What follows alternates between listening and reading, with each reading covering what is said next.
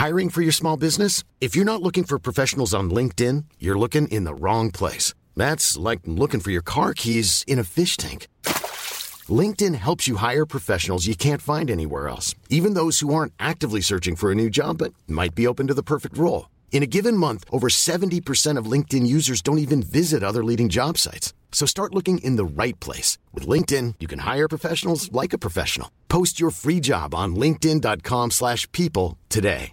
When you're ready to pop the question, the last thing you want to do is second guess the ring. At Bluenile.com, you can design a one-of-a-kind ring with the ease and convenience of shopping online. Choose your diamond and setting. When you find the one, you'll get it delivered right to your door. Go to Bluenile.com and use promo code LISTEN to get $50 off your purchase of $500 or more. That's code LISTEN at Bluenile.com for $50 off your purchase. Bluenile.com code LISTEN.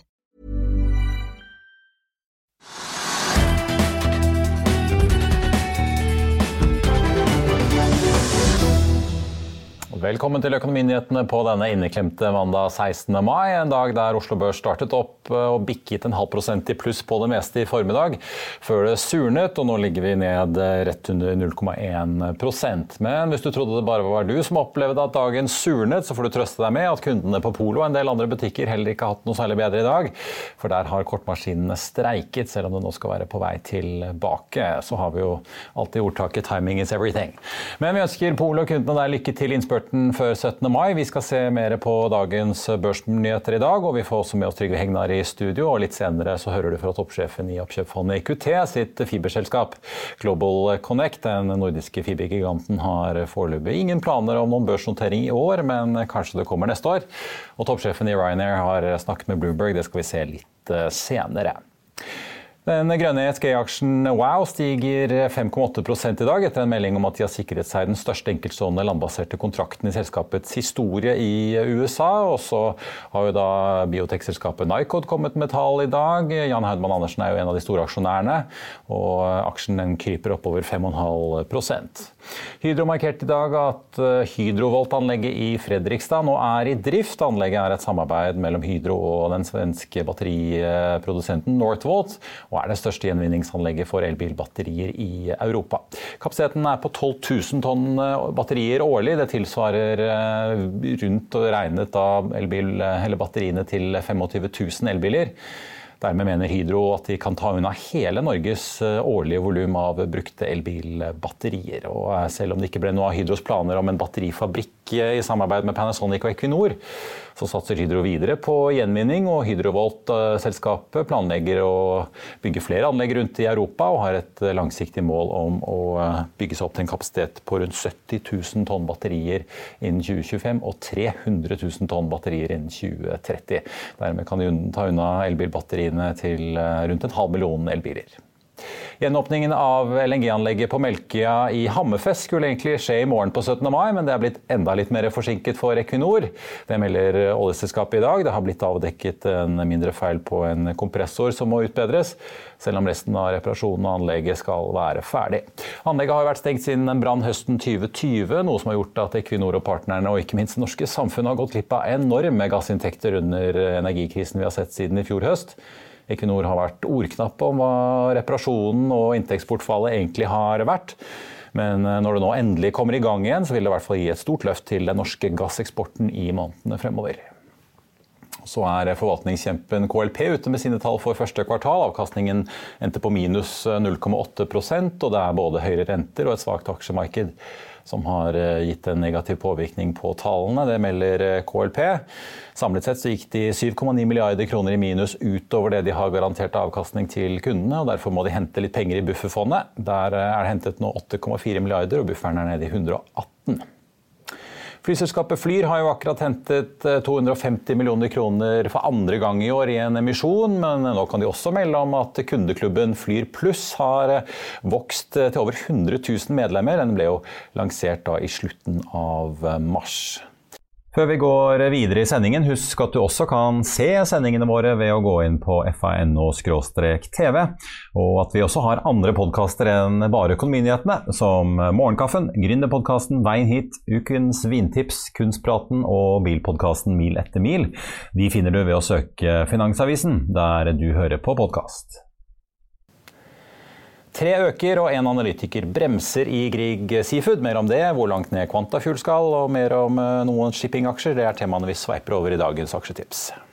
Den skadeskutte Quantafuel-aksjen skal enda mer ned, og det skal snart løsne i ratene for de store oljetankerne. Det er mandag 16. mai, og dette er dagens aksjetips. Fra toppen på rundt 80 kroner i januar i fjor, så har det bare gått nedover for plastgjenvinningsaksjen Quantafuel. Aksjen handles mandag til rundt 12 kroner og 50 øre. Men Nordeas Elliot Peterson mener aksjen skal lenger ned, og går fra hold til selekursmålet kuttes fra 17 til 9 kroner. Lav anleggsutnyttelse og høyere kostnader enn ventet bidro til at Quantafuels første kvartalstall kom inn lavere enn våre estimater, skriver Nordea-analytikeren. Selskapet kunngjorde også en 33-50% reduksjon i sine kapasitetsmål for 2022 for anlegget i Skive, som er en negativ trigger etter vårt syn, skriver han videre. Anders Carlsen i Kepler Chevrø skrur opp troen på tankaksjen Frontline betydelig fra 102 til 151 kroner, og gjentar sin kjøpsanbefaling. Det er nesten det dobbelte av dagens kursnivå på rundt 80 kroner. Meglerhuset skriver at Frontline fortsatt er i standby for å fusjonere med Euronav, og at eh, man sannsynligvis venter på utfallet av aksjonærkonflikten i Euronav. Videre skriver Kepler at endringer i handelsmønsteret etter Russlands invasjon av Ukraina har hatt en positiv effekt på etterspørselen etter Suezmax og LR2-tankere. VLCC-er henger fortsatt etter, men vi forventer forbedringer over tid, avslutter analytikeren. Og så må vi innom shipping, for Petter Haugen i ABG tror ikke de gode tidene i tørrlast er over, i hvert fall for Bellships. For han har tidligere hatt et kursmål på 25 kroner, som ble hevet til 29, og nå klinker han til og hever til 35, selv om han egentlig mener aksjen er verdt 39, men han har lagt inn en rabatt på 10% Uansett så er han den mest optimistiske Bellskipsanalytikeren for tiden. I forrige uke skyldte det en stor bølge av kvartalsrapporter fra laksebransjen inn over børsen, og nå har flere meglerhus kommet med oppdateringer av sine kalkyler. På Grieg Seafood øker nå Nordea Markets kursmålet fra 130 til 160 kroner og gjentar sin kjøpsanbefaling. Pareto øker fra 150 til 160 og gjentar også kjøp, mens ABG er litt mer forsiktige og øker fra 124 til 127 kroner på sin holdanbefaling. Hold sier også Kepler Chevreux, som kutter sitt kurs kursmål fra 142 til 130 kroner, basert på lavere volumestimater for Newfoundland i 2023. Og det var dagens aksjetips. Mer børsstoff får du som alltid på fa.no. Ja, da har jeg fått uh, Trygve på plass i studio. Trygve, Du følger jo veldig nøye med på aksjemarkedet, men du følger også landbruksoppgjøret. Nå endte bøndene med å få 10,9 av 11,5 milliarder de spurte om. Ja, de fikk omtrent det de ba om. Ja. Nærmere kommer du ikke, og det er veldig mye penger. og Det, er, det ventet jo alle at de ville få også. Hadde, altså, hadde da regjeringen nå ikke godtatt det kravet som, som bøndene kom med, så ville det blitt helt opprør ikke sant? og traktor utenfor Stortinget. og Det sperret Karl Johan også, og det ville ikke. så Vi visste at det ville bli et godt oppgjør. Det er blitt, det er blitt et fantastisk oppgjør for bøndene. Og så er det spørsmål om det er like bra for forbrukerne og skattebetalerne. Det ja. tror ikke jeg. Trøsten får være at uh, disse milliardene fordeles over i år og neste år, så vi må ikke ta alt i en stor svelg. i hvert fall. Ja, så er Det som er poenget at det er masse penger som da svømmer da inn uh, fra staten til bøndene i tilskudd, forskjellige ordninger. Men alle bønder klager det likevel. De sier at de regnskapsmessige resultatene de har, de er så lave at de kan nesten ikke leve av det. Og Da kan man begynne å lure på hvorfor da overfører vi da 20 eller 30 milliarder i året hvis man ikke kan leve av det. Det er, det er noe galt. De kan gjerne få 11 milliarder av meg nå, fordelt på to år, men det er noe galt når de ikke kan, de ikke kan leve av det. Enten er det regnskapsmessige triks, eller så er det at pengene blir borte et eller annet sted. Men det er, det er helt uforståelig. Du, eh, la oss snakke litt aksjer, da. Ja. OBX, eh, altså Teknologiindeksen på Oslo Børs, OBX eh, Technology, ned nesten 40% så langt i år. Og så ser vi jo en del av disse analytikerne ute og mener at nå begynner ting å se mer attraktivt ut. Ja, har du troen? Ja, vi, går litt tilbake til det som står i Finansavisen i dag. Da, hvor vi har undersøkt uh, de selskapene som har gått på børs de siste to årene. Og av disse 130 selskapene så er det da snittet er ned 50 Det er grunnen sånn til ettertanke at det er, ikke alltid, det er ikke alltid det går så bra. Og mange har store planer og vyer. Men når så mange selskaper i snitt har en nedgang på 50 i løpet av to år, på alle de nye selskapene, så blir jeg litt bekymret. Og så er det slik at Vi har sett at Nasdaq er ned 30% omtrent per dato. Og så ser vi at rentene stiger overalt. Altså, I dag kommer tall som viser at regner prisveksten i EU skal være 6,8% i år. 6,8% hvis, den, prisveksten skal tvinges ned til 2 eller 3, eller hva det måtte være, hva målet vil være, så altså, ja, sentralbanken skal ha rentene ned, sånn snitt renten ned på 2 ja, altså, det, det, ser veldig skummelt ut, da, liksom, mm. for de, de inflasjonstallene. Og jeg syns mye tyder på det at man er ikke ferdig med den perioden hvor liksom da inflasjonen er så høy at renten må settes enda høyere for å få den økonomiske aktiviteten ned. Det er det det går om. Og prisveksten i EU er for stor. Prisveksten i USA er jo over 8% Det går ned, men det er over 8% og Det betyr at man vil få tiltak fra sentralbankene som da betyr økt rente. Og økt rente er gift for da de tekstselskapene og øh, vekstselskapene som skal få sin inntekt, da, eller store inntekter om tre, seks, ti eller tolv år, da vil altså nåverdien av disse inntektene vil bli vesentlig lavere. Derfor er jeg nå bekymret. og jeg ser at Oslo Børs i dag er pluss-minus null, det er fordi at folk er usikre. Altså Skal man liksom ta sjansen på noe som du er inne på, å sette pengene på andre tekst- eller vekstaksjer fordi det har falt så mye? Og det er blitt sagt også da sentralbanksjefen eh, Nicolai Tangen at han liksom nå sitter klar til å kjøpe aksjer i markedet fordi det har falt så mye. Han har selv sagt at markedet kan falle 30-40% på det verste. Og da står de klar, sånn som Norges Bank sto klar, eller oljefondet sto klar da i 2008-2009. Ja, under finanskrisen. Eh, finanskrisen hvor de kjøpte, de kjøpte enorme penger, enorme verdier, og, og, og fikk en fantastisk vekst på det. Men altså, jeg tror ikke at han har sagt at markedet kommer til å falle 30-40 Det tviler jeg på. Og jeg tror ikke han sitter klar, klar foreløpig heller. Eh, så det er, det et valg man gjør. altså Skal man liksom satse på det som kan gi en kraftig økning fra veldig lave kurser nå, som har falt masse, 50% eller 70% eller 80 og skal man liksom, Nasdaq har falt 30 Oslo Børs er fortsatt bra i forhold til det. Eller skal man da velge en helt annen sektor? Det er det det går om nå. for I dag ser vi at vinneren i dag er, liksom, det er offshoreselskaper, det er shippingselskaper. Det er helt andre typer selskaper enn vekst og, og, og, og tech. Helt, noe helt annet. Og da er jeg liksom det er, det er, jo liksom fascinerende da seg at man ikke går på tech da, og ikke går på vekst. For da vet man at der kommer det altså da tiltak fra myndighetene Norges Bank og andre sentralbanker på som skal, de, de, vil ha vekst ned, og, og det vil ramme da disse selskapene. Og Skal man da hoppe over i shipping, skal man hoppe over i offshore? Og Det er kanskje det de eneste riktige, for det er de selskapene som har gått mest. Det er der liksom prisene er høye, liksom olje, gass, alt som er i den sektoren. Det spørsmålet er om det er noe mer å gå på da, etter eh, den oppgangen som mange av disse aksjene har hatt? Ja, Det er altså et godt spørsmål. ikke sant? Men du ser på vinnerlisten her, så er Borr opp 8-9 det er Doff er opp til er opp 20-30 ikke sant? Det er bitte lite oljeselskap over 30 Det er eh, seismikk opp. ikke sant? Det er liksom de, der hvor det er liksom, Kall det verdi, da. Men det er jo ikke det verdi. Men altså, det er liksom da i hvert fall mer tradisjonelle Råvarer. ikke sant? Det er hydro, ja. aluminium og det er liksom olje og gass. Vi vet at det er høye beløp. Vi vet at oljeselskapene kommer til å tjene masse penger. Vi vet De kommer til å drukne i penger pga. høye gass- og oljepriser. Skal man ta skifte og hoppe over der, eller skal man si at det er godt nok, som du sier nå? Det er et vanskelig spørsmål. Jeg er, jeg er i tvil. Men jeg ville, vil ikke turt å gå inn på tech-selskaper eller vekstselskaper. Og da blir valget da liksom, skal du ha pengene i banken og få 1 rente, eller skal du da ta sjansen på da, å gå inn i shipping. Og nå kommer det stadig analyser som viser at liksom, folk tror at shippingbransjen skal gå enda mer. Ja, i hvert fall enkeltsegmenter som tank. For eksempel, tank. Ja, og tørrlast skal fortsatt holde seg bra. Ja, og var, Vi fulgte jo fra, fra, program til program, fra mil etter mil, så fulgte vi hvordan da liksom, eh, etterspørselen etter containerskip var en periode. Hvor det liksom var nye 100% opp, 200% 300% opp, 500% opp.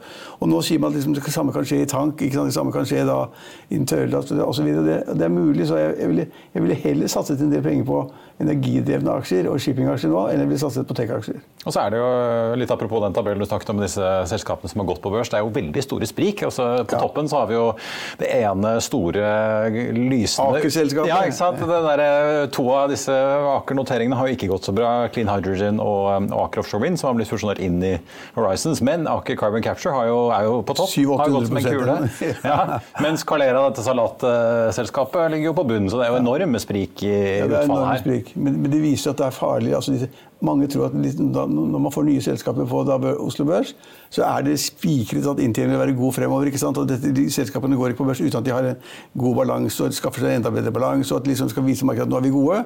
Og så blir det altså et gjennomsnittlig fall på 50% det er, Jeg syns det er tankevekkende. Det er, det er urovekkende og tank, tankevekkende. Og da blir det store spørsmålet liksom, skal vi da prøve på de emisjonsselskapene, eller skal man liksom gå, kaste seg over i shipping og tenke at de som er i shipping, de tjener mye penger?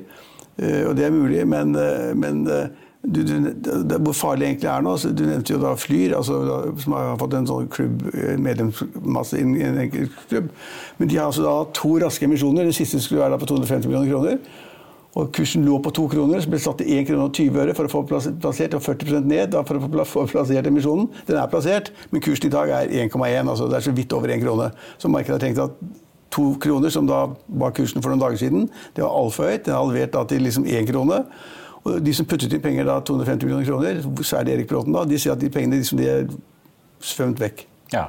Ja, de første kvarte milliarden forklarte jo selskapet med delta-varianten ja. av korona. Og så var det omikron den nyeste kvarten. Ja, Ja, altså, si, altså, på fly ser det da kjempevanskelig ut når du henter penger med 40% rabatt for å skaffe deg 250 millioner kroner for å drive videre liksom inn i en sånn nesten en nødsituasjon. Og så kommer det de som sier at se på Norwegian Se på Norwegian. De tapte altså en milliard i første kvartal. En milliard, men likevel sier noe at nå går Norwegian fordi at prisene går opp overalt. Hvis du prøver å booke en reise til NIS i dag, eller Malta eller Barcelona, eller hva det er, så er prisene da kanskje det dobbelte hva du måtte betale for tre uker siden. Og da sier sjefen selv han sier at det er så synd at prisene er blitt så høye, at billettprisene går opp. Bare vås, selvfølgelig.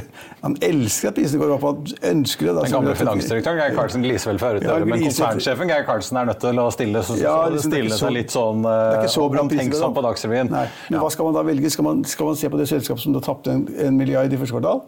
Satser på at Norwegian er store, kanskje de får en flåte på 100 fly, og det kanskje er en god dekning, og at den tidligere finansdirektøren er en god leder, at han liksom da får hentet alle de høye prisene, kanskje? Eller skal man da liksom da fly med fly som da er kjørt helt ned, og hvor kanskje de da på en måte kommer fra bunnen og opp, og det er lettere? Altså, det er et vanskelig valg. Jeg vil iallfall ikke valgt Flyr. Nei, ingen, ingen, av de har jo noe særlig gjeld. Det får vi jo si. I motsetning til SAS så er jo både Flyr og Norwegian relativt lette i balansen ja, altså, om dagen. Ja, det er et godt poeng. SAS har en gjeld på 30 milliarder, eller sånt, og det er helt håpløst. Og de får bare negativ eh, omtale i pressen osv. De kansellerer flighter hele tiden. Og, de og vi venter på restruktureringsplanen SAS, eh, ja, eller mer detaljer i planen SAS Forward, hvor det foreløpig har kommet litt store tall om besparelser, men vi har ikke sett detaljene i hvordan vi skal løse dette. Jeg har ikke sett det i det hele tatt. Jeg vet ikke hvordan vi skal løse det. Kan løse ved at Danmark og Sverige da gir mer penger inn i selskapet. Det blir emisjoner rettet mot Danmark og Sverige, som er de største aksjonærene. De har 22% hver. Så det er et ganske spennende spill. Da. Men å velge, skal man velge da, et selskap som har kjørt ned, kursen har falt i, ja, helt i bånn, for å si det slik, som flyr, og tro at de får det til, som er spekulativt. Eller skal man da velge Norwegian som var store, ble små, ble kvitt gjelden, og da, hvor da liksom selskapet nå åpenbart får høyere billettpriser. Men det er noe annet også som stiger, vet du? Drivstoffprisene. Drivstoffprisene. Så kanskje drivstoffprisene Norwegian advarte jo faktisk om det i eh, guidingen sin, om at uh, høye ja. drivstoffpriser uh, vil kutte i resultatforbedringen. Så selv om de står og snakker om at prisene er høye og at kundene er villige til å betale mer for å fly, så klarer de ikke å hente igjen alt disse flyselskapene. Virker det i hvert fall som. Men det kan også tenkes at de er litt smarte, litt, litt lure, at de da sier de som at er, nå kommer også høye drivstoffkostnader fordi at prisene på billettene man legger merke til. Da. Hvis man går inn og søker, så ser man at prisene går opp over hele linja. Så kanskje de syns det er litt, sånn, litt for mye. Og så sier de at det er nødvendig for de får økte drivstoffkostnader. Så det er ikke slik at de slår, de økte billettprisene så umiddelbart ned på yielden. Og det er jo sant, det også. ikke sant? Men av de to var det jeg skulle til å si så ville jeg valgt Norwegian. Og nå så vi at Ryanair kom med et fryktelig resultat, et underskudd på 2,5 milliarder eller sånn nå. Så flybransjen er ikke reddet ennå. Det er helt sikkert. Og det er ikke bra at drivstoffkostnadene går så mye opp som de gjør, fordi det sluker mye av de overskuddene som skulle komme. Ja. Og sommeren i år skulle jo Nå virker det som i hvert fall uh, trafikken øker veldig, men uh, sommeren i år skulle jo være den store, være den store melkekua for flyselskapene. Ja. Nå ødelegger disse oljeprisene en god del eh, for dem, stakkars. Ja, men skal man da heller kjøpe Frontline? Skal man kjøpe Bellship? Skal man kjøpe, skal man Petter Haugen i ABG er i hvert fall veldig bull på Frontline. Han, hva var det kursmålet var oppe i nå? 151. Han har økt fra 102. Nå ligger han på rundt 80. Nei, det er Anders Carlsen i Kepler, unnskyld. Ja, da, altså det, så det er nesten en dobling fra dagens jeg ikke si kurs? Altså. Tankmarkedet har vært elendig år etter år, holdt jeg på å si, de siste månedene. Og det har vært en bitte liten bedring. Og så, så sier man da det at uh, nå skal det fraktes mye olje, den, det blir lengre distanse å frakte osv. Jeg syns det er for vanskelig. Det er veldig spekulativt, men mm. det kan godt tenkes at tankaksene tankaksjene går. Det kan godt tenkes at tørrlast går videre også. Det, altså, alt er mulig. Ja, Petter Haugen, var det jeg skulle si. Han er på Bellships, og så har han skrudd opp kursmålet til 35, ja. og det ligger jo på litt under 30. Mm. Men uh, avslutningsvis vil jeg si at det er én advarsel, og det er at hvis sentralbankene all over, og i Norge, i, inne i EU og i USA, hvis de skal senke den økonomiske aktiviteten, sette renten altså kraftig opp for å få aktiviteten ned, så går BNP-veksten ned. Mm. Og med en lavere BNP-vekst er det mindre behov for olje. Helt sikkert. Og det er mindre, også mindre behov for skip som skal frakte varehandelsvarer mellom Kina Europa og Kina og USA osv. Hvis aktiviteten går ned, jeg sier hvis, jeg er ikke sikker på det, men alle makrotall tyder jo nå på det at de vil tvinge veksten ned for å få da inflasjonen ned, og det er ikke bra for da internasjonal shipping. Og Hvis noen var i tvil om at energikrisen har rammet Europa, så er EU-kommisjonen ute med nye prognoser i dag. De venter altså en vekst i EU på 2,7% i år, ned fra 4% i forrige prognose. Det er et ganske saftig kutt. Marius, det av det akkurat nå. Ja, nettopp. Så, så, så, ja, så, da, så da ville jeg vært litt betenkt, faktisk. Og i Tyskland venter de bare 1,6 ja, altså det, det, er magre greier på vei ut av en pandemi. Altså. Ja, da, og da blir det ikke bedre shippingtider. Det kan tenkes fortsatt at det blir bedre riggtider. At, at oljeselskapene bruker den pengeflommen de får, til å drille og lete mer. Kan tenkes. Det kan at de betaler mer for seismikk også. Det kan tenkes. Så det er noen som sier at liksom da, selve riggsektoren og offshoresektoren Og Kristin Sveaas, en av de beste investorene vi har på Oslo Børs, han har kjøpt seg inn i flere selskaper. ikke sant? Er, han sitter jo i Viking Supply fra før. Og, og CM Offshore. Og ja. han kjøpte seg inn i Solstad også, eller var det, hva var det han kjøpte seg inn i Doff? Eller, altså, han kjøpte seg inn i tre-fire forskjellige selskaper. Og hvor han da, et av selskapene har seksdoblet pengene sine. Så han kjøper da på bunn, bunn, bunn, bunn og håper da at riggselskapet offshore vil holde. Og han er god, han har gjort tjent penger mange ganger, men han har også kjøpt selskap som er inne på, som har gått veldig dårlig. Ja. Morten Astrup var her i forrige uke og snakket om han sitter både nå i Borr og Subsea 7 som en veldig forgjeldet og en ikke forgjeldet uh, satsing i da oljeservice offshore-sektoren. Ja, men kanskje da liksom sluttstreken er det at uh, det er kanskje bedre å være i den type spekulative selskaper hvor man kan være god, kjøpe på bånd, enn å ta sjansen på da vekstselskaper og uh, tech-selskaper som fremdeles er utsatt for at rent, altså, blir renten høy, så går verdiene ned. Jeg hører i hvert fall at det er eh, hektisk for de som driver og flytter rigger rundt i Midtøsten om dagen. Så det er visst eh, stor interesse i Emiratene for å bore mer. Ja. Takk skal du ha, Trygve. Vi skal eh, videre holde oss i, i, luften, for fredag kom jo Norwegian med sine kvartalstall. og I dag fulgte lavprisgiganten Ryanair opp med sine. og For første gang siden pandemien så har de klart å fylle flyene sine mer enn 90% i en enkelt måned. Bluebird snakket med Ryanairs øverste sjef Michael O'Leary om priser og innhenting i markedet fremover. Bare se her. Michael, you talk about a booming uh, summer. I want to try and see can we just get a little bit more from you on what reasonable profitability looks like. That's the language you've used. Will you translate that to a bandwidth for the market? It's very difficult for us, man. you know, we're seeing a very strong traffic recovery post Easter. Our first quarter ends in June. You know, we've hit the 90, uh, we've exceeded 90% load factor in April for the first time since COVID. But that we expect pricing to be slightly down in the first quarter. You know, we're pricing down to get our planes full again. Looking out into the second quarter, which is the key September quarter, we look like we'll have strong load factors and pricing might be up by a single digit percentage. But the recovery is still fragile. You know, we've been here last Christmas, and Christmas got massively disrupted by the Omicron variant in the, in the last week of November. Easter looked like it was going to be very strong, and then it got dis- uh, fell over as a result of the uh, Ukraine invasion. So we think it's impossible to give any accurate guidance on a full year number for the next uh, 12 months, particularly as there may be a recession in the second half of the year. I think what we mean by a modest profitability, you know, our sort of uh, the, the ambition here is can we restore profitability to pre COVID levels, which was just over a billion for the full year? There's a prospect we might if everything goes well in the next 12 months. But the, the risk of disruption of negative news flow uh, means, you know, if we were okay. to give guidance, it would be such a wide range, uh, it would be almost meaningless. I think it's a, the, the best is we can the- do is to say, you know, we hope for modest profitability into this recovery. We're going to be price active, load factor, uh, price sort of a, a passive, load factor active. and the good news is that we're very well hedged out to March of 2023. Uh, so we can pass on the okay, savings there's a lot to unpack in, in there, the Michael. of lower airfares. Pardon there's a me? lot to unpack there. You talk about there's a lot to unpack. Yeah. You talk about the risk of recession, and we've got a cost of living crisis. Do you or have you seen any evidence, Michael, on some of the key routes that the cost of living crisis is beginning to bite on families, people's ability to book with you?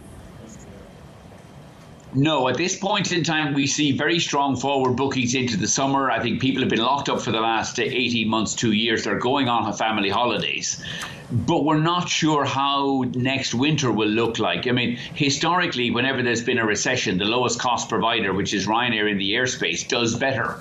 Uh, I, I, think in a recession, mm-hmm. people will trade down to the lowest fare provider. And that will be Ryanair, but it's too early to say yet, and it's uh, it would be wrong for us to be making predictions on profitability for next winter this early okay. in the cycle.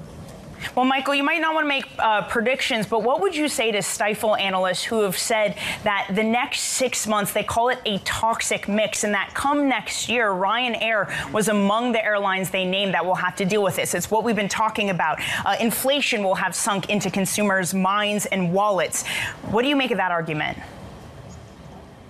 I think it's rubbish, frankly. You know, eh, if you we, we are if you look at the Ryanair business model, traffic is recovering strongly. There's huge demand for short haul travel to the beaches of Europe this summer, and I, I do think we're facing whether it's a downturn or a recession next winter. In every past recession, we've grown stronger and faster because people don't stop flying in a recession; they get more price sensitive. Yeah. IKEA, Lidl, uh, Ryanair will be the beneficiaries of a downturn, and I, I would would look forward with some uh, optimism to an economic downturn because I think it would be better for Ryanair's business. We're taking huge swathes of, market share from competitors at the moment in Italy in Spain. In Hungary, for example, we're going to overtake Wizz this year in their home marketplace. Because we can sustain uh, low fare competition, we have lower costs than every other airline, we'll keep passing on incredible value to families in Europe for the next 12 months you have a line. I want to know your strongest routes, but then I want you to qualify it for us. For us. While bookings have improved in recent weeks, the booking curve remains closer than in a typical pre-COVID at this time of the year. So, which routes are setting off, as it were, a red flashing alarm on, on, on you? You get the data and you go, why, why are the Balearics not booking more heavily? Why is Greece not booking more heavily? So, where are the warning signs on this curve? I think, man, is what we're seeing is, you know, we're so big across so many markets in Europe. Certainly, there's very strong demand to the beaches, the leisure destinations of Europe this summer. But we also have a huge business in, you know, UK short haul domestic travel, Italy domestic travel, Spain domestic travel, and that books much later because it's domestic travel, and it's it's prone to being very badly disrupted by adverse news flows. We saw it with Omicron at Christmas, we saw it with the Ukraine invasion at Easter. So we're, we're I think we're sensible this morning to be cautious. We've seen too many airlines out there in recent weeks, you know, talking up the recovery mainly because their balance sheets are shot to pieces, but they're talking up the recovery. The end of the you know the end of, uh, of uh, Omicron is here we can't hmm. eliminate the risk of another variant next uh, winter. You see what's going on in China at the moment. They're struggling to contain uh, COVID generally. So well, I think we're seeing very strong recovery into the summer, but I'd be very cautious on next winter for the moment. Og Ryanair Action er ned 4,8% i eh, Dublin i dag. SSB er ute med handelstall for april. Eksportverdien i måneden endte 93,6% over april i fjor. Eksportinntektene var noe under rekorden som ble satt i mars i år. Men handelsoverskuddet vårt endte likevel på 92,6 milliarder kroner, og det er det tredje største noensinne i SSBs historie.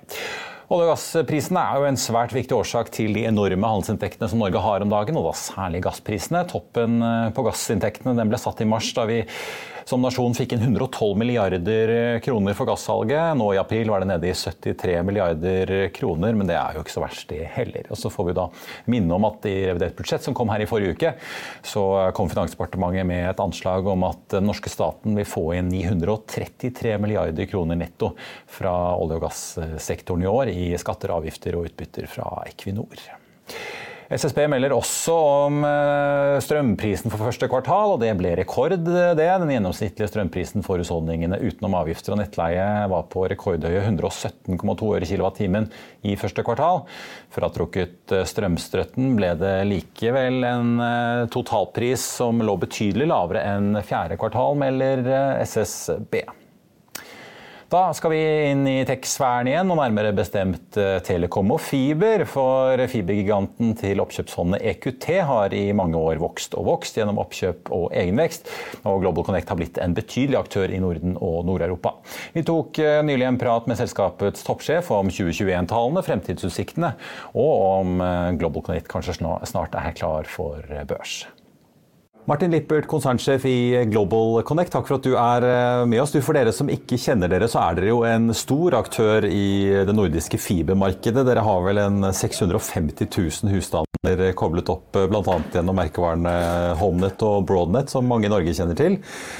Dere økte jo omsetningen i fjor med en 2,5% organisk, altså før oppkjøp. Kan du si litt om hvordan fjoråret egentlig ble for dere? Ja, takk for invitasjonen, Marius. Um, 2021 var jo på mange måter et litt uh, vanskelig og litt annerledes år enn hva vi hadde forventet. Uh, det var således, uh, som alle husker, at det var covid-år, og det betyder jo at der var ikke mange bedrifter der liksom skulle ut og lave store IT-løsninger, eftersom at nesten alle sad hjemmefra og jobbet. Så vi så faktisk at 2021 ble litt, litt, litt snært vanskeligere på BTB.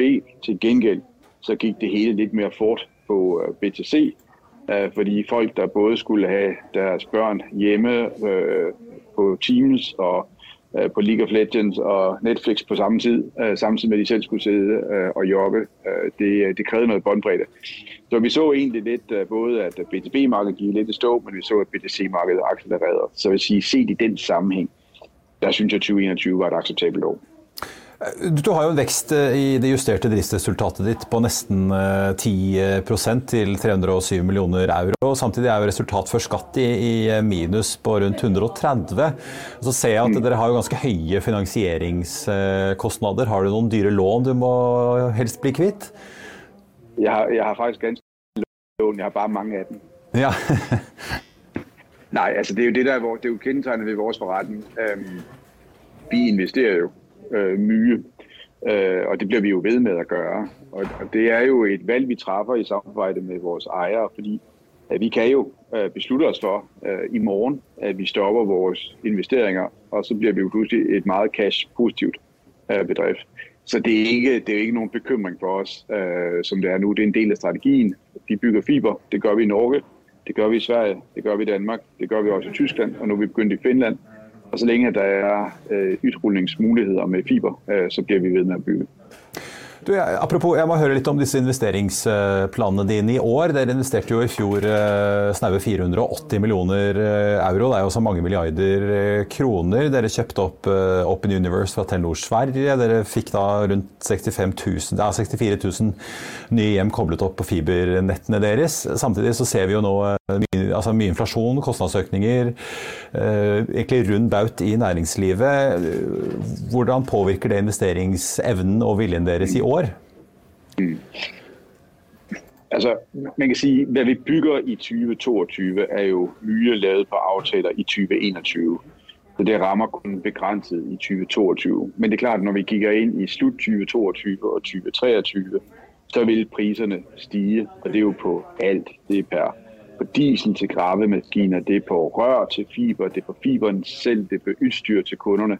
Så vi vil se, at det bliver øh, dyrere øh, næste år og slut år i forhold til, hvad det har været historisk. Men det vil jo også med garanti have en effekt på, hvor mye vi kommer til at, at charge slutbrugerne. Så jeg, jeg tror roligt, man kan forvente, at når der er inflation i samfundet, så vil der også ske en inflation i, uh, inden for vores områder. Og husk på, at vi er jo et, et område, der er blevet relativt hårdt ramt, fordi på toppen af de almindelige prisstigninger, så bruger vi en del energi. Det er også steget frygtelig meget pris. Og vi har elektronik stående ude hos samtlige kunder. Det har også været i short demand, fordi der har været problemer med hele chipset-problemstillingen. Så, så alt bliver noget, noget dyrere for nærværende. Men vi har ikke pt. ændret vores investeringsplaner. Det kører videre som på helt her i. Fortell litt, altså, Det er jo store investeringer på gang hos mobilselskapene som nå skal bygge 5G-nett. Hvor mye av det på en måte gir økning hos dere i behovet for fiber? Jamen, jeg ser egentlig og har altid set 5G og mobilteknologierne som noe der komplementerer fiberen. Man skal huske at et 5G-nett langt hen ad veien er jo et fibernett der blir trådløst forlenget. Fordi uden et fibernet i bakken, så er der ikke noget 5G-net. Et 5G-net, der er koblet op på en DSL-forbindelse, kan ikke levere 5G-hastigheder. Så du er nødt til at have en fiber ud til samtlige master. Når du skal op på de helt høje hastigheder i mobilnettet, så skal du op i nogle frekvenser, der gør, at masterne skal stå tæt, og så skal du bruge mye mere fiber. Så i forhold til der, hvor vi bygger fiber i dag, hmm, der er ikke nogen forskel. Der bliver mobil kun et supplement, der vil være områder øh, øh, ude på Nøgne Ø øh, i Norge, i Sverige og i Danmark, hvor det kan bedre svare sig og, øh, og, og, og levere via mobilnettet, men det vil ikke være steder hvor vi bygger fiber. Så det kommer ikke til å påvirke våre fiberinvesteringer, som jeg ser det. Men dere holder dere til fiber og skal ikke inn i mobilvirksomhet?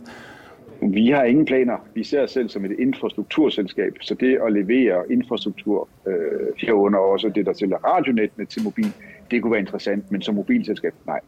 Til slutt må jeg høre med deg, da. apropos, øh, dere er jo eid av EQT og har jo vært det en god del år. Dere har jo blitt slått sammen med da HomeNet, Broadnet og også IP Only for noen år siden. Vi ser jo nå at det skjer en del strategiske endringer i bransjen. Telia i Sverige har jo skilt ut en del tårnselskap og fått inn store fond som medeiere. I Danmark har vi jo sett noe lignende. Her hjemme i Norge så sier Telenor at de vurderer å, å spinne ut fiberinfrastrukturselskapet sitt. Ser dere på noen strukturelle endringer i Global Connect eller en børsnotering av hele selskapet nå? Nei, altså man kan si vi er jo mye fokusert i motsetning til Telia, og Telenor og TBC, som laver både mobil og bredbånd og, og, og, og, alle mulige forskellige tjenester. Vi har vært meget fokuseret på fiberinfrastruktur. Altså her i marts der passerede vi 100.000 km fibernett. Så det er det vi gjør. Så vi har ikke brug for ligesom å synliggøre værdierne i bedriften på den måde, Så det er der ingen aktuelle planer om. Uh, nei, men ikke hva med en børsnotering av selve Global Connect, da? Uh, det skjer heller ikke. Ikke i 22, det lover jeg. Martin Lippert i Global Connect, takk skal du ha. Og så får vi si eh, lykke til med å håndtere prisøkninger og alt mulig annet som skjer om dagen. Og så får jeg ta med at uh, Hvis du har ønsker om aksjer vi skal analysere her eh, på Økonominyhetene, så kan du sende en e-post til tvtips at finansavisen.no. Jeg tenkte jeg skulle ta med et par kvartalstall på, eller kvartalsnyheter på tampen fra kvartalssesongen som nå begynner å ebbe mot slutten. Amerikanske McDonald's meldte i dag at de tar steget fullt ut og trekker seg permanent ut av Russland. I mars meldte jo eh, fastfood-giganten at de midlertidig stengte sine 850 restauranter, men nå er det altså helt til slutt.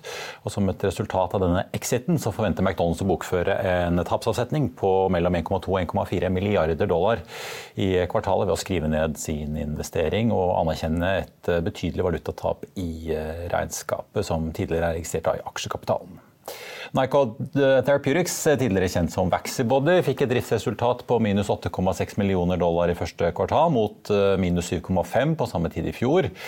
Nycod endte kvartalet med en kontantbeholdning på nesten 226 millioner dollar per utgangen av mars. Og den eh, aksjen som vi kan ta en titt på Oslo Børs, den er ned 5,4% i dag. Så vi også ta med at Eh, wow, altså det som tidligere het Scanship Holding, er opp hele 6,6% på nyheten om eh, den tidenes største landbaserte kontrakt i USA. Wow er jo aller mest kjent for å selge rensesystemer for eh, bl.a. cruiseskip til bruk på skip.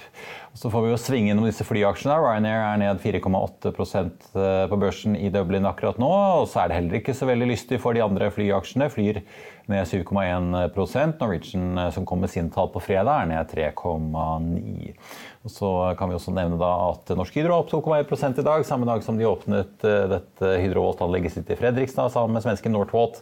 Quantafuel faller 4,5% Der ble jo kursmålet tatt kraftig ned av Nordea nå siden sist. Og så er det jo da Frontline, som Kepler er positive til, opp 2,8 i dag. Oslo Børs har nå bikket tilbake grønt igjen. Vi var jo opp en halv prosent på det meste i formiddag, og så bikket det ned igjen til eh, rundt 0,1% i rødt. Nå ligger vi opp 0,34% til 1218 poeng. Så får vi også nevne på tampen her at oljeprisen har bikket eh, litt oppover. Nå ligger den opp 0,75% til 111 dollar og 10 cent i spot-markedet. For et fat Nordsjø, den amerikanske lettoljen eh, VTI, ligger like bak på 110 dollar og 20 cent. Eh, og eh, det bidrar jo til at bl.a. ikke BP opp 1,4% på Oslo Børs, men Equinor holder litt igjen. De er ned en halv prosent. Og Det var det vi hadde for deg på denne mandagen. Takk for følget så langt. I morgen er det jo 17. mai, og alle vi her i Finansavisen ønsker deg og dine en riktig fin og god nasjonaldag. Og så er vi tilbake igjen her på onsdag klokken 14.30. Avisen vår er også tilbake på onsdag, og der kan du lese Trygve Hegnars leder om at Stalin sniker seg inn. Du kan lese om en av de store bankene som har opplevd en kraftig økning i utlån med rentesikring her i landet. Det ble også børsintervju med førsteforvalter Jonas Heierdal, og Danske Bank deler noen av sine prognoser og tanker om valutamarkedet fremover. Så det får du på dørmatten på onsdag, altså. Men i mellomtiden får du som alltid siste nytt på fra økonomiens verden på fa.no. Mitt navn er Marius Lorentzen. Tusen takk for at du så på, og så håper jeg vi ses igjen på onsdag.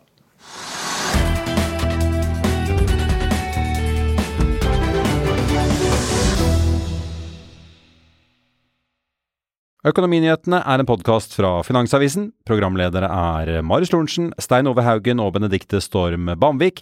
Produsenter er Lars Brenden Skram og Bashar Johar. Og ansvarlig redaktør er Trygve Hegnar.